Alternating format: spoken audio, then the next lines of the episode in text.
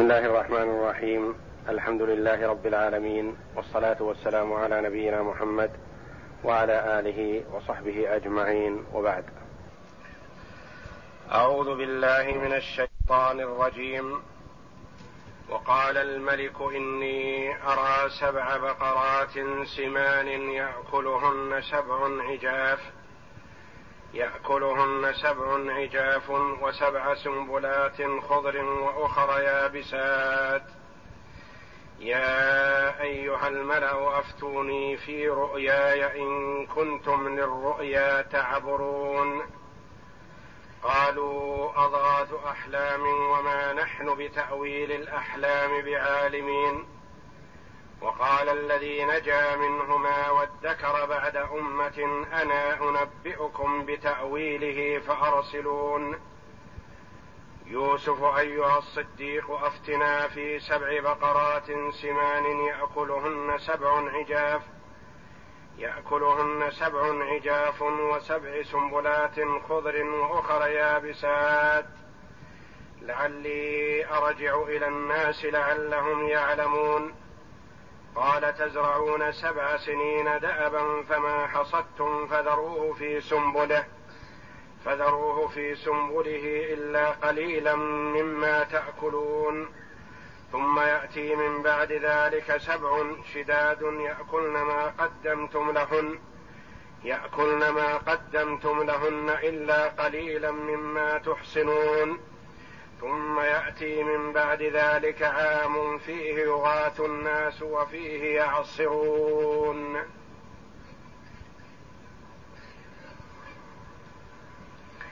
هذه الآيات الكريمة في سياق قصة يوسف عليه وعلى نبينا أفضل الصلاة والسلام.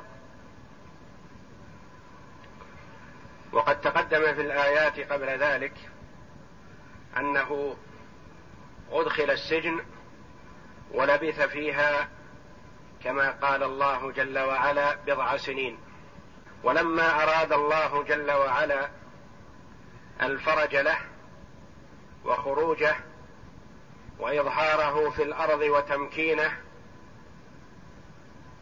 هيأ لذلك أسبابا لأنه جل وعلا هو وحده. المتصرف في الكون الذي يدبر الأمور كما يريد جل وعلا.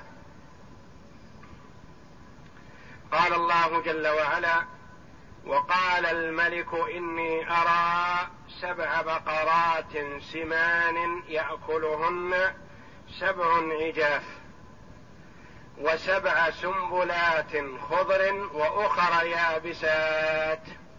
قال الملك الأكبر وليس العزيز الذي كان يوسف عليه السلام في بيته بل هو الملك العام لمصر.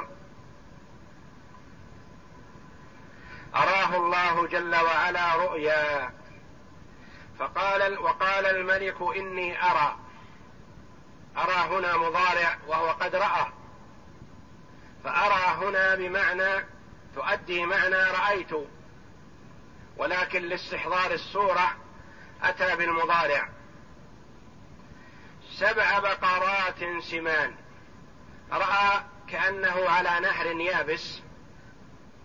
وخرج من هذا النهر سبع بقرات سمان. وتبعهن سبع بقرات عجاف يعني هزيلة ضعيفة. ثم إن السبع الهزيلة الضعيفة العجاف أكلت السبع البقرات السمان. ثم إنه رأى ورأى مع ذلك سبع سنبلات خضر. أتت عليها خضر يعني فيها الثمرة مثمرة. أتى عليها سبع سنبلات يابسات ضعيفة فالتفت عليها فأفنتها. السنبلات الضعاف أفنت السنبلات الخضر الملأى بالثمرة. والملك هو المدبر للأمور في بلاده. فراعه ما رأى. كيف أن هذه البقرات العجاف تأكل السبع السمان؟ وكيف أن السنبلات اليابسات الضعيفة تلتف على الخضر فتفنيها؟ فهنا أفنى الضعيف القوي. فهاله هذا الأمر. وكان المألوف أن الكبير إذا رأى أو هم بأمر أو رأى رؤيا أهالته أفزعته جمع أعيان ووجهاء بلاده.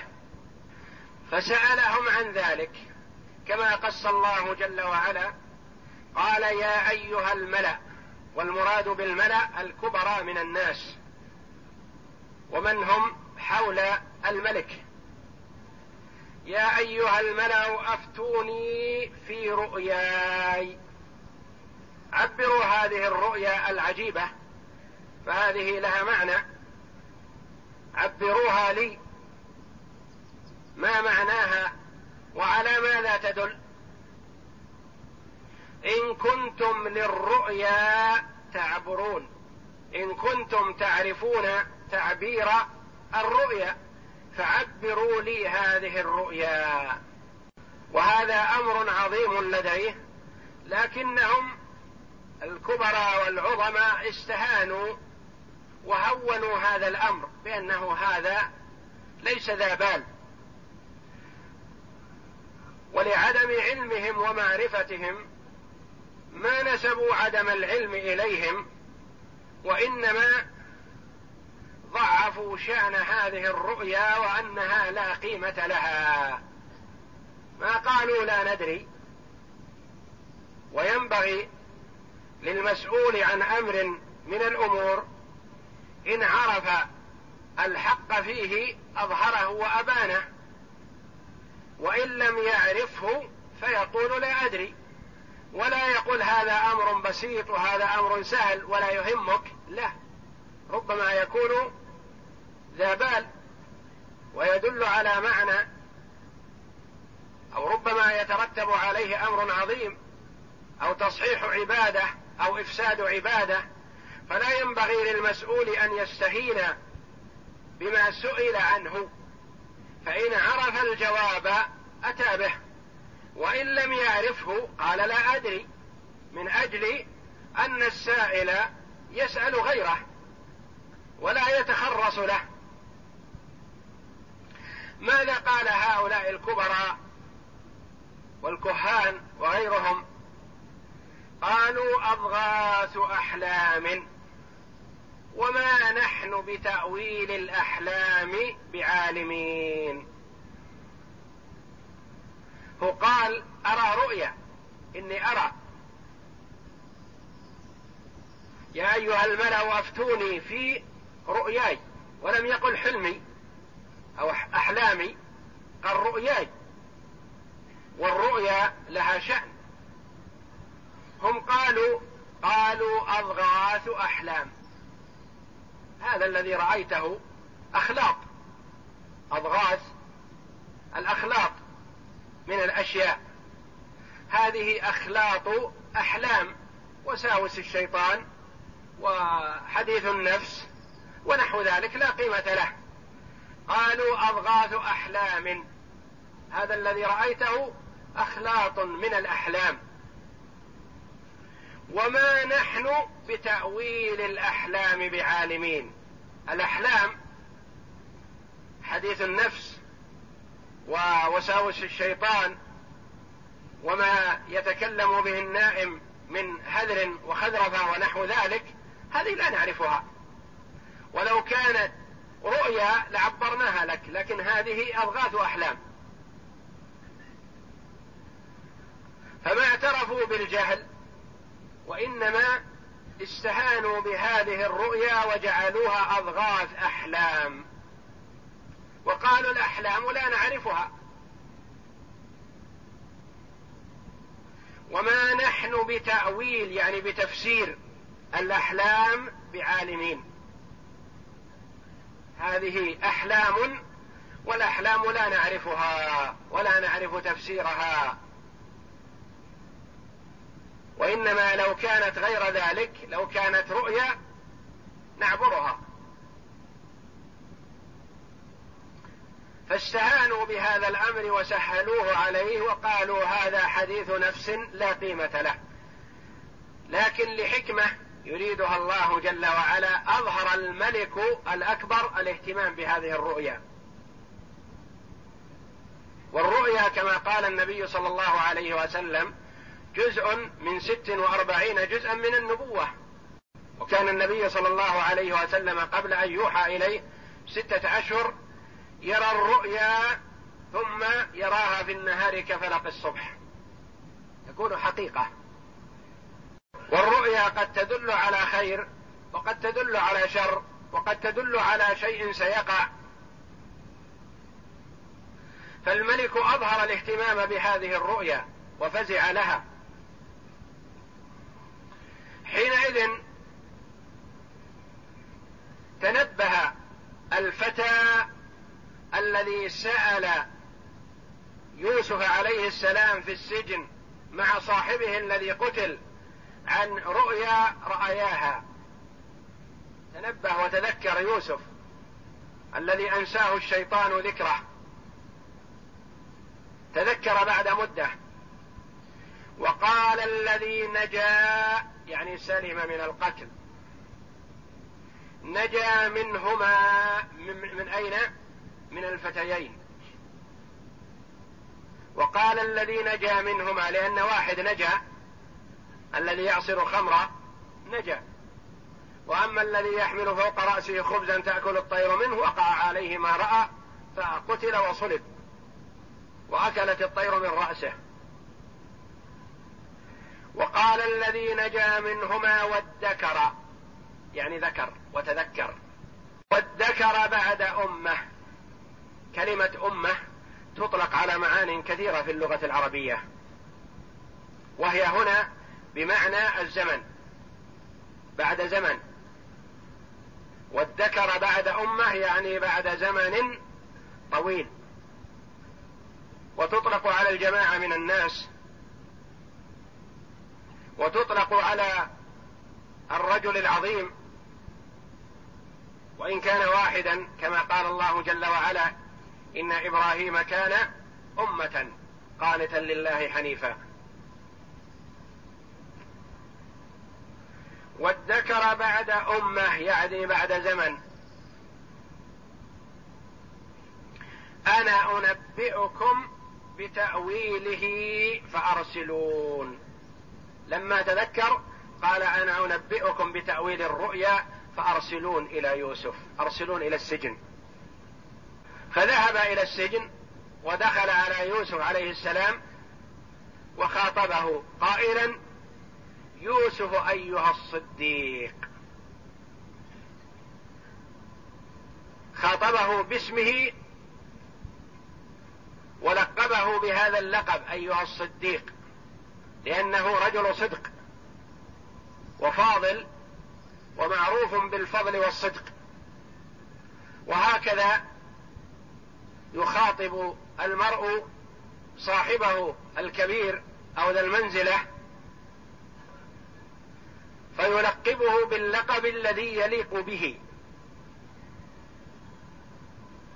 يوسف أيها الصديق أفتنا في سبع بقرات سمان يأكلهن سبع عجاف وسبع سنبلات خضر وأخر يابسات. أفتنا في هذه الرؤيا التي رآها الملك. هذه التي رآها ما تعبيرها؟ لعلي أرجع إلى الناس لعلهم يعلمون. لعلهم يترجى أن يعلموا. ماذا يعلم؟ يعلم تأويلها. فيستفيدوا من هذا العلم أو يعلموا صدقك وفضلك فينتبهوا لك فيخرجوك من السجن الله أعلم. لعلهم يعلمون. يوسف عليه الصلاة والسلام ذا كرم وطيب نفس ورضا بما قدر الله عليه وقسم له. وعرف أن بقاءه في السجن بإرادة الله جل وعلا وأن الله جل وعلا مطلع عليه لا تخفى عليه خافية. فلم يعنف هذا الفتى. ما قال له الآن تذكرني بعد كذا وكذا سنة؟ أو ألم أنبهك أو أوصيك نحوي؟ أو قال لا أفتيكم في هذه الرؤيا إلا بعد أن تخرجوني من السجن. ما قال ذلك عليه الصلاة والسلام. لأنه طلب منه بيان ما عنده من العلم فما بخل عليه الصلاة والسلام. سارع في الفتيا بدون قيد ولا شرط. في الأمر الأول حينما استفتاه الاثنان الفتيان قدم قبل فتياه بشيء ينفعهما هما. ينفعهما بأن دعاهما إلى الله جل وعلا. والمقام الآن مقام دعوة لأن هذين الرجلين موجودين معه في السجن فيدعوهما إلى الله.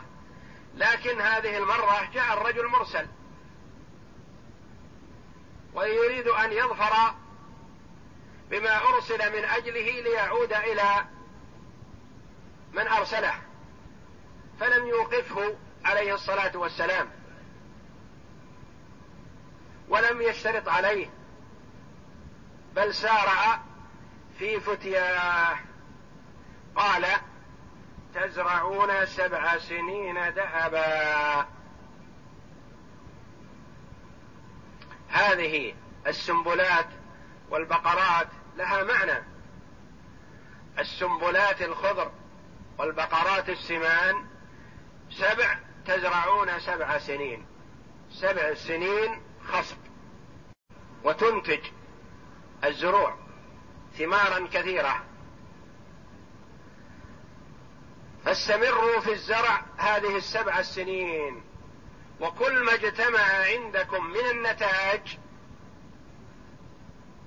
لا تذروه لا تصفوه دعوه في سنبله يحفظه السنبل. فإذا انتهت هذه السبع السنين وكنتم قد جمعتم الخير الكثير فيها سيأتي بعدها سبع شداد سبع سنين قحط. تزرعون فلا ينتج شيء ولا ينزل مطر. ويضيق الناس ذرعا بمعاشهم ويصيبهم الجوع. قال تزرعون سبع سنين دأبا يعني باستمرار.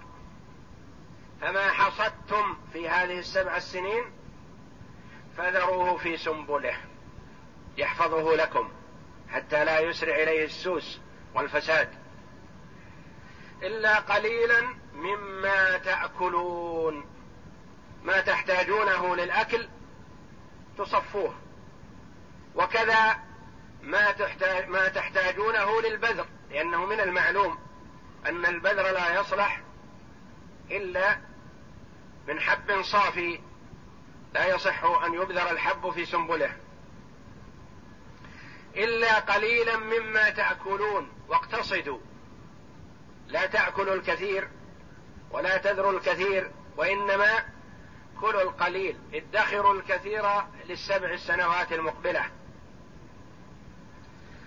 ثم يأتي من بعد ذلك يعني بعد هذه السبع الشداد سبع السنين التي يوجد فيها الثمار والخصب وتكاثر الخيرات يأتي من بعد ذلك سبع شداد. سبع سنين قحط. يأكلن ما قدمتم لهن. كل ما جمعتم في السبع السنين الأول تأكله هذه السبع السنين الشداد. ما قدمتم لهن يعني ما جمعتم لهن من قبل. إلا قليلا مما تحصنون. إلا قليلا مما تحصنونه وتحفظونه للبذر. ثم بعد نهاية هذه السبع الشداد يأتي الله بالفرج ثم يأتي من بعد ذلك عام فيه يغاث الناس ينزل الغيث والمطر وفيه يعصرون تكثر الخيرات والفواكه.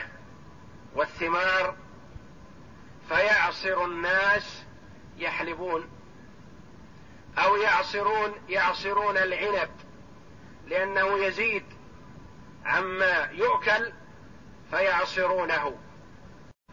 وهم لا يعصرون إلا ما زاد عن مأكولهم حبا من عنب وسمسم وزيتون وغير ذلك مما يعصر ويحتاج إلى عصيره. فبين لهم عليه الصلاة والسلام هذه الرؤيا وفسرها تفسيرا واضحا بينا وأن مآلها كذلك فعليكم الحرص نحو تطبيق ما قيل لكم. وبقي في السجن عليه الصلاة والسلام. وما أوصى في هذه المرة مع ما بذله من علم ومعروف لهم ما قال اذكرني. تكفي الوصية الأولى ما دام ما نفعت فالمرء يرجع إلى ربه جل وعلا الذي لا تخفى عليه خافية ولا يحتاج إلى وصية. ولو كان هناك تعلق بالمخلوق ليقال إنها سنحت الآن الفرصة. اولا للاشتراط. يستطيع أن يقول عندي تعبيرها لكن لا أعبرها لكم حتى تخرجون من السجن. ويستطيع أن يقول أنا أعبرها لكم لكن لا تنسى إذا وصلت إلى الملك فأخبره بحالي. ما قال شيئا من ذلك. عليه الصلاة والسلام. اتكالا على الله جل وعلا.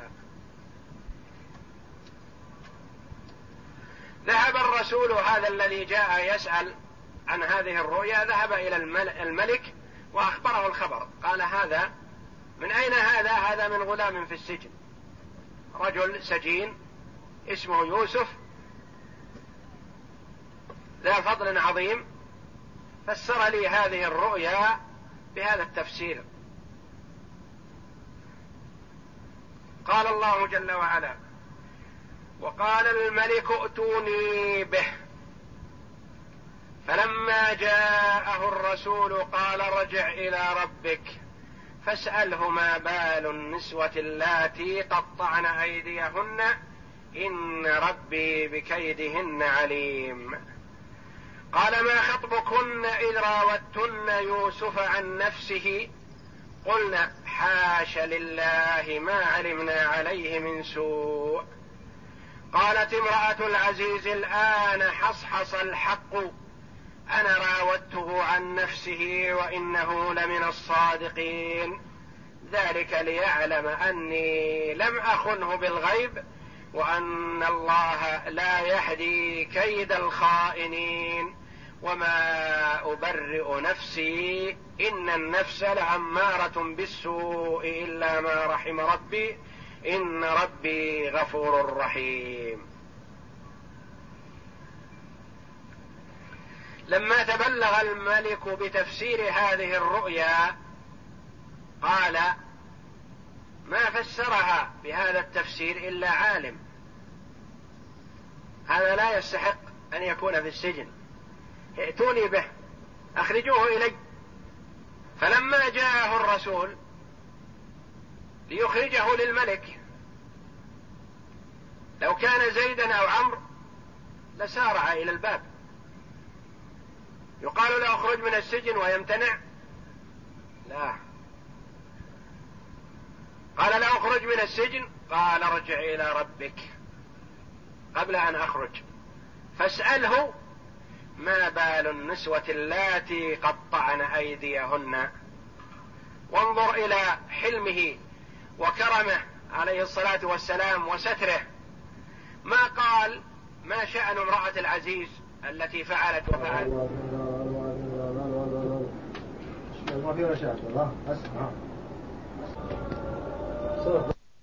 أنه إذا خرج وكلم الملك مشافهة ورآه الملك أنه لن يفرط فيه. تيقن ذلك؟ أنه لن يفرط فيه. وسيحظى عنده. ثم لن يسلم المرء من واش وحاسد ومفتري. إذا قربه الملك واصطفاه وأدناه وأقصى غيره سيعملون إلى التخلص منه. سيأتون إلى الملك ويقولون كيف تقربه؟ وقد حصل منه ما حصل. هذا الذي راود امرأة العزيز. هذا الذي فعل وفعل. يشو به فيبعد. ما دام حصل منه مراودة لامرأة العزيز في السابق هذه سيئة عظمى يستحق الطرد والإبعاد من أجلها. وهو لم يحصل منه شيء من ذلك عليه الصلاة والسلام. لكن الواشي والحاسد لن يستريح حتى يوقع بالمحسود. فيوسف عليه الصلاة والسلام لم يخرج من السجن لما قيل له أجب الملك. قال ارجع إلى ربك سيدك ومولاك. فاسأله ما بال النسوة وأنا في السجن.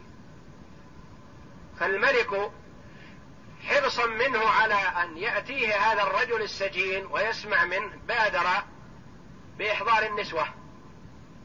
ويوسف عليه الصلاة والسلام يقول إن ربي بكيدهن عليم. ربي جل وعلا الله جل وعلا لا تخفى عليه خافية عالم بحقائق الأمور ويصح كما قال بعض المفسرين أن يكون قصده بربه سيده الذي هو العزيز. يقول إن العزيز يعلم الحقيقة والأمر ومع ذلك سجني سجنني كأني أنا المخطئ. إن ربي بكيدهن عليم جمعهن الملك وقال قال ما خطبكن إذ راوتن يوسف عن نفسه. وهذا من باب الستر. كأنهن كلهن مراودات والمراودة واحدة ولكن هن أشرن عليه بأن يستجيب لهذه المراودة.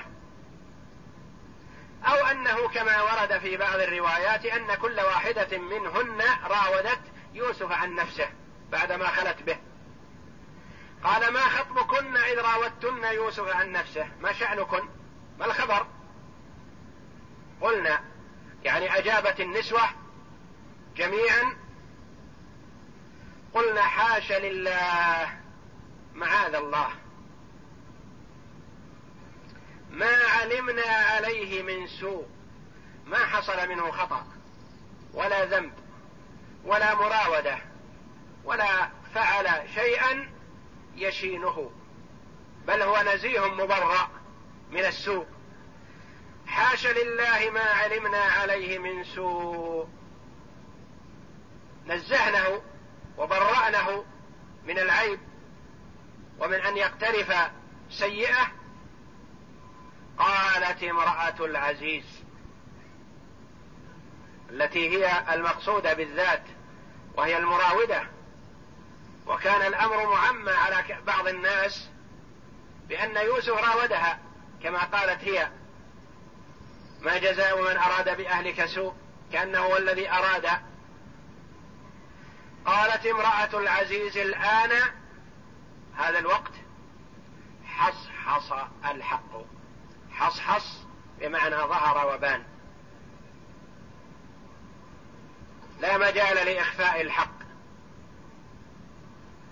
الآن حصحص الحق أنا راودته عن نفسه. اعترفت اعترافا صريحا بأنها هي المراودة وأنه لم يحصل منه سوء هو. أنا راودته عن نفسه وإنه أي يوسف عليه السلام وإنه لمن الصادقين في قوله هي راودتني عن نفسي. فما كذب في قوله هذا الكلام. قال جمهور المفسرين هذا من كلام يوسف عليه السلام. أردت ذلك أردت إظهار الحق ليعلم العزيز أني لم أخنه. حال غيبته وقال بعض المفسرين هذا الكلام من قول امرأة العزيز. تقول الآن أظهرت الحق حال غيبة يوسف. أقول هذا القول بأني أنا راودته عن نفسه ليعلم يوسف أني لم أخنه لم أفتري عليه حالة كونه غائبا عني. فأنا كأنها تقول أنا الآن عند الملك وأستطيع أن أرميه بأن أقول هو راودني عن نفسي. فأنا الآن أريد أن أبين الحق ليعلم يوسف أني لم أخنه حاله كونه بعيدا عني في السجن وأنا التي عند الملك أقول ما أقول لم أخنه حال غيبته بل أبين الحق كما هو. وهذا القول نصره شيخ الإسلام ابن تيمية رحمه الله واختاره. ذلك ليعلم أني لم أخنه بالغيب. وتمام كلامها وأن الله لا يهدي كيد الخائنين.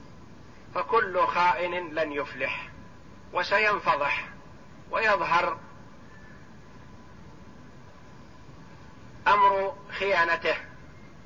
سيظهر الأمر جليا ولا بد. فأنا الآن بينت ما عندي الذي هو الحق. فلم أتهمه بشيء هو بريء منه وإنما اعترفت على نفسي بأني أنا المخطئة. وعلى التفسير الأول هذا من كلام مما حكى الله جل وعلا عن يوسف عليه السلام يقول ذلك ليعلم الوزير أني لم أخنه في أهله حال غيبته عنا وكوني وإياها وحدنا في البيت. وأن الله لا يهدي كيد الخائنين وأنا معترف وموقن وجازم بأن الله لا يهدي كيد الخائنين وهذا قول الجمهور. وهو عليه الصلاة والسلام هو المعترف بأن الله لا يهدي كيد الخائنين وأنه لم يحصل منه خيانة للعزيز نحو امرأته. وما أبرئ نفسي. هذا من تمام الكلام السابق. فإن كان من كلام يوسف عليه السلام فهو يقول أنا لم يحصل مني خيانة ولله الحمد ولم اقترف اثما ولكني لا أبرئ نفسي. أو كما ورد في بعض الروايات أنه لما قال ذلك ليعلم أني لم أخنه بالغيب وأن الله لا يهدي كيد الخائنين. ألقى إليه جبريل أو ألقي إليه همه بها. ولقد همت به وهم بها لولا أن رأى برهان ربه. فاستدرك عليه السلام وقال وما أبرئ نفسي. من باب احتقار النفس. من باب أن المرأة وإن كان منزها مبرعا من العيب أو من السوء يقول ما أبرئ نفسي. ولما؟ قال إن النفس أمارة بالسوء. فنفس الإنسان تأمره بالسوء والنفوس ثلاث. نفس أمارة بالسوء. تأمر صاحبها بالإثم. ونفس لوامة يقع صاحبها بالإثم فتلومه ونفس مطمئنة وهي أعلاها وأكملها. وما أبرئ نفسي إن النفس لأمارة بالسوء إلا ما رحم ربي. من رحمه الله جل وعلا فهو يسلم من أن تأمره نفسه بالسوء يعصمه الله جل وعلا من السوء. إن ربي غفور رحيم. غفور لمن أذنب وتاب إليه رحيم جل وعلا بعباده. والله أعلم وصلى الله وسلم وبارك على عبده ورسول نبينا محمد وعلى آله وصحبه أجمعين. وبعد. أعوذ بالله من الشيطان الرجيم. وقال الملك ائتوني به أستخلصه لنفسي. فلما كلمه قال إنك اليوم لدينا مكين أمين. قال اجعلني على خزائن الأرض إني حفيظ عليم. هذه الآيات في سياق قصة يوسف على نبينا وعليه أفضل الصلاة والسلام. لما ثبتت براءته عليه الصلاة والسلام وطهارته عن أن يقترف سوءا لدى الملك حينئذ قال الملك ائتوني به أستخلصه لنفسي. ائتوني به أخرجوه من السجن. وأتوا به إلي ليكون من خاصتي خالصا لي.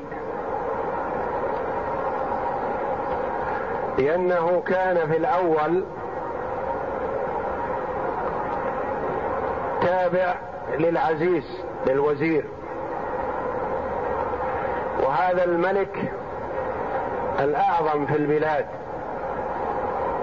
الذي هو الريان ابن الوليد ملك مصر عامة. قال ائتوني به أستخلصه لنفسي يعني أجعله لخاصتي. قال ذلك قبل أن يراه. إلا أنه علم عنه تفسير رؤياه. وقال الملك ائتوني به أستخلصه لنفسي. وعادة الملوك والعظماء أن يستأثروا بالشيء النفيس الغالي من الرجال ومن الجواهر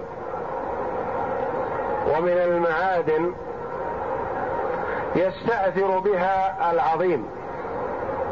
فهو قال أريد أن أستأثر بهذا الرجل لنفسي. فلما كلمه قال إنك اليوم لدينا مكين أمين. فلما كلمه زادت مكانته عند الملك وارتفع قدره. وعرف فضل يوسف عليه الصلاة والسلام. فكان يحب الاستئثار به قبل أن يراه. فلما رآه رأى فيه الكمال الذي قل أن يوجد في بشر. فلما كلمه قال إنك اليوم لدينا مكين أمين. وكلام الرجل ومكالمته ترفع من قدره أو تحط من قدره. قد ترى الرجل فيعجبك فإذا كلمته وكلمك سقط من عينك.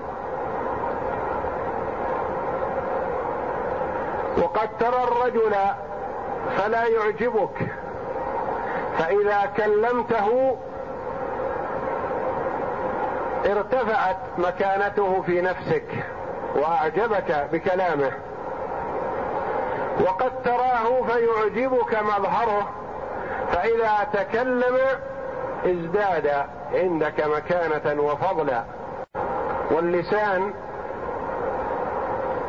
كما قيل سلاح ذو حدين. إذا استعمل في الخير نفع نفعا عظيما. لا يعدله شيء. وإذا استعمل في الشر ضر ضررا عظيما. وهل يكب الناس في النار على وجوههم أو قال على مناخرهم إلا حصائد ألسنتهم كما قال صلى الله عليه وسلم لمعاذ لما قال له وأنا يا رسول الله لمؤاخذون بما نتكلم به قال ثكلتك أمك يا معاذ وهل يكب الناس في النار على وجوههم أو قال على مناخرهم إلا حصائد ألسنتهم؟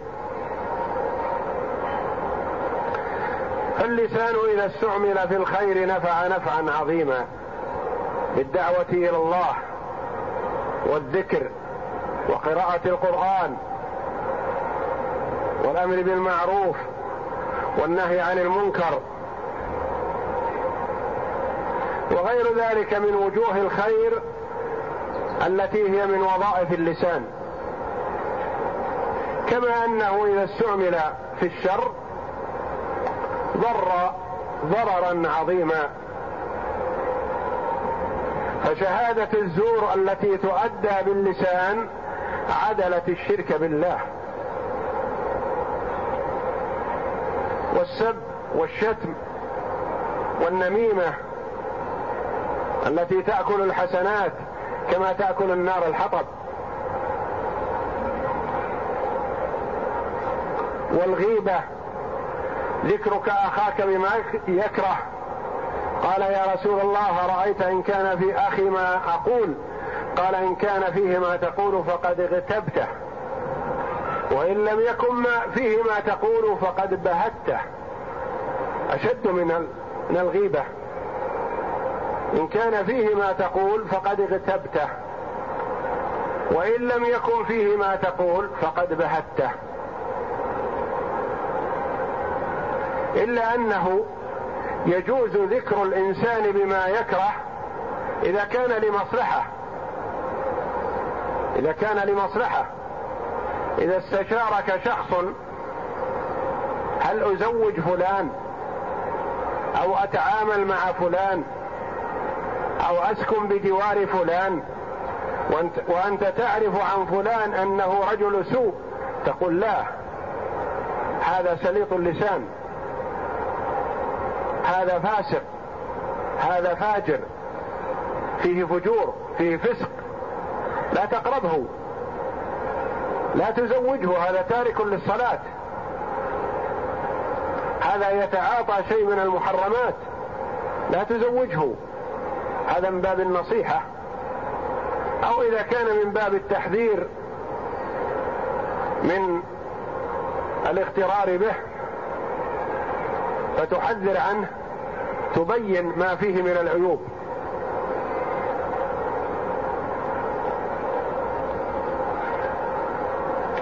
فاللسان نافع ونعمة عظيمة إذا استعمل في الخير وضار ونقمة على العبد إذا استعمله في الشر. فلما كلمه لما خاطب الملك يوسف عليه السلام. كبر في عينه وعظم وعرف فيه الفضل والنزاهة والنبل والنفع العام للمجتمع. قال إنك اليوم لدينا مكين أمين. ممكن من جميع أمورنا ومؤتمن على ذلك. والأمين لا يسأل عن تصرفه لأنه مؤتمن. كأنه قال نوليك الولاية العظمى ولا نناقشك ولا نسألك. لأنك محل الثقة والأمانة. وكما قال الله جل وعلا عن يوسف عليه الصلاة عن موسى عليه السلام حينما قالت ابنة شعيب يا أبت استأجره إن خير من استأجرت القوي الأمين. وقد اجتمعت القوة والأمانة في موسى. على نبينا وعليه أفضل الصلاة والسلام. وهنا قال الملك ليوسف إنك اليوم لدينا مكين ممكن من جميع أمورنا مؤتمن عليها. الآن سنحت الفرصة لهذا الرجل العظيم أن ينفع في المجتمع نفعا عظيما. هل يزدري نفسه ويحتقرها ويقول لا لست بكفء لهذا ولست محلا لذلك من باب التواضع؟ لا الآن ما يحسن. أن يحتقر المرء نفسه. ما دام سنحت الفرصة لتوليه الأمر الهام الذي ممكن أن ينفع فيه يقول أنا لها. قال عليه الصلاة والسلام قال اجعلني على خزائن الأرض. إني حفيظ عليم. اجعلني على خزائن الأرض. اجعلني على ولاية الأرض التي هي تحت إمرتك وولايتك وملكك. اجعلني متوليا للأموال. متوليا للأموال. لأموال الدولة. إني حفيظ حافظ لها. لا أضيع منها شيء. لا أصرف درهما في غير وجهه. أحفظها. عليم بالمصالح. لا أغتر بالناس. أو أعطي الثقة من لا يستحقها. بل أنا عالم بهذه الأمور. قال العلماء رحمهم الله لا بأس على الرجل أن يبين استعداده للقيام بالعمل إذا كان قادرا على ذلك. ولا بأس أن يتولى الرجل الصالح الولاية للفاسق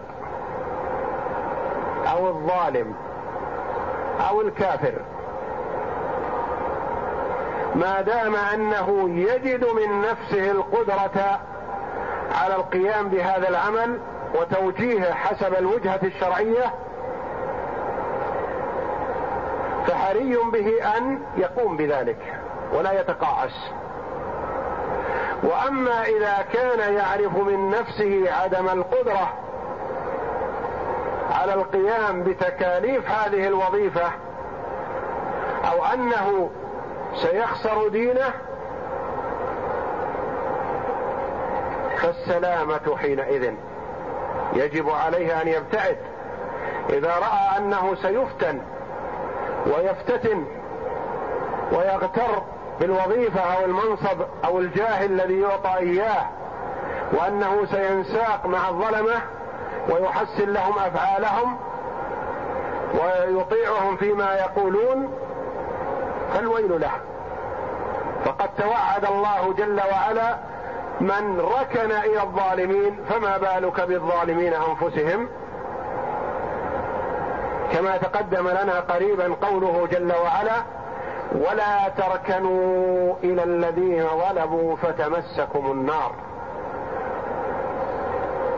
الركون إلى الظالمين والميل إليهم نار محرقة. فما بالك بالظالمين أنفسهم؟ ويوسف عليه السلام تولى الوزارة لهذا الملك وكان كافرا إلا أنه رؤي أنه أسلم على يد يوسف عليه السلام. قال اجعلني على خزائن الأرض إني حفيظ عليم. فولاه الولاية العظمى وتوجه وأعطاه الخاتم. يتصرف في مملكة مصر كيفما شاء.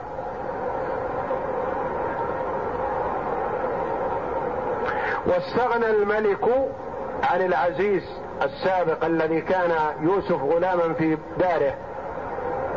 استغنى عنه وعزله فتولى الولاية يوسف عليه السلام.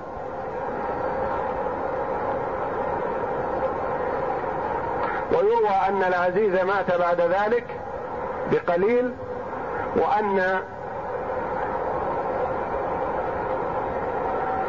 الملك زوج امرأة العزيز ليوسف عليه الصلاة والسلام التي راودته عن نفسه فدخل عليها وهي أحسن ما تكون فقال لها أيهما أحسن على هذه الحالة أم على الحالة السابقة؟ قالت لا تلمني أيها الصديق إنه إنني كنت في نعمة عظيمة وكان زوجي لا ياتي النساء.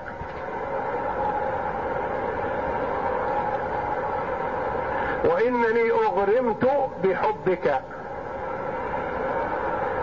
فلا تلمني فتزوجها فوجدها بكرا مقامها مع العزيز لم يمسها لأنه كما ورد عنين لا يأتي النساء. يقول الله جل وعلا وكذلك مكنا ليوسف في الأرض يتبوأ منها حيث يشاء. نصيب برحمتنا من نشاء ولا نضيع أجر المحسنين. ولاجر الآخرة خير للذين آمنوا وكانوا يتقون. وكذلك مكنا ليوسف. كذلك. كما لطفنا به في الجب في قعر الجب البئر. ولطفنا به في السجن. ولطفنا به وعصمناه عن الوقوع في المعصية في بيت العزيز. كهذا مكنا ليوسف في الأرض. يتبوأ منها يسكن ويختار ويأخذ منها حيث يشاء. هو المتصرف وهو الآمر والناهي في مملكة مصر. يتبوأ منها حيث يشاء. نصيب برحمتنا من نشاء. نصيب نعطي ونتفضل برحمتنا على من نشاء على من يشاء الله. وفهم من هذا التعبير الكريم أن الولاية قد تكون نعمة كما كانت في حق يوسف عليه السلام وأنها قد تكون نقمة وبلية. وكذا المال والولد والجاه كله مما يبتلي الله جل وعلا به عباده فمن العباد من ينجح في هذا الابتلاء وتكون في حقه نعمة عظيمة. يستعين بها على طاعة الله ومنهم من والعياذ بالله من يخفق. في هذا الامتحان فيخسر الدنيا والآخرة. كما قال الله جل وعلا إنما أموالكم وأولادكم فتنة. والله عنده أجر عظيم. وإنما أداة حصر. جميع الأموال وجميع الأولاد فتنة. ومن الناس من ينجح في هذه الفتنة وهذا الامتحان فتكون في حقه الولد والمال نعمة ومنهم والعياذ بالله من يخفق ويخسر فيكون المال والولد في حقه عقوبة وبلية يخسر بسببهما الدنيا والآخرة. بخلاف العداوة فبعض الولد عدو ليس الكل. وكل الأولاد فتنة وبعضهم عدو كما قال الله جل وعلا إن من أزواجكم وأولادكم عدوا لكم فاحذروهم منهم ليس كلهم أعداء وإنما كلهم فتنة. وكذلك مكنا ليوسف في الأرض يتبوأ منها حيث يشاء نصيب برحمتنا من نشاء. هذه رحمة ونعمة من الله جل وعلا. على عبده يوسف عليه السلام مكنه في الأرض يتصرف وفق ما ألهمه الله وعلمه من التعاليم الشرعية نصيب برحمتنا من نشاء ولا نضيع أجر المحسنين. لا يضيع عند الله أجر محسن. من عمل خيرا لا يضيع عند الله. حتى وإن كان كافر نعم حتى وإن كان كافر. لا يضيع عند الله جل وعلا. من أحسن وإن كان كافرا فلا يضيع أجره عند الله جل وعلا. وإنما الكافر يوفى أجره في الدنيا. وينتهي. والمؤمن يوفى أجره في الدارين في الدنيا والآخرة. ولا نضيع أجر المحسنين. لا نضيعه لا يضيع. ولا تظن أيها العبد ما دمت في الدنيا أن الأجر والثواب والعطاء ما حصل في هذه الدنيا لا ليس الأمر كذلك. الله جل وعلا يعطي الدنيا من يحب ومن لا يحب. قد ينعم على الرجل الصالح بالدنيا بالمال والجاه والولد. وليس هذا جزاؤه فقط. قال جل وعلا ولأجر الآخرة خير للذين آمنوا. أجر الآخرة مختص بطائفة من الناس ليس بكل الناس. ولا أجر الآخرة خير للذين آمنوا وكانوا يتقون. يحذرون المعاصي. يتقون الله. وفي هذا إشارة إلى تقوى يوسف عليه السلام. اتقى الله جل وعلا وحذر من المعصية وهرب منها مع تمكنه منها وميل النفس إليها. يميل إليها النفس تميل بالطبع إلى اقتراف الملذات وإتيانها لكن الموفق يمتنع. ويتوقف عن الإقدام على المعصية رجاء ثواب الله. ولاجر الآخرة خير للذين آمنوا بالله جل وعلا لأن أجر الآخرة خاص بالمؤمنين أما الكفار فلا. إن كان لهم أجر فهو معجل في الدنيا فقط. للذين آمنوا وكانوا صفتهم أنهم يتقون الله جل وعلا يحذرون معصيته يعملون بطاعته متصفين بالتقوى. ما هي التقوى؟ فسرت بمعان بألفاظ كثيرة ومن أجمعها ما قاله بعض السلف هي أن تعمل بطاعة الله على نور من الله رجاء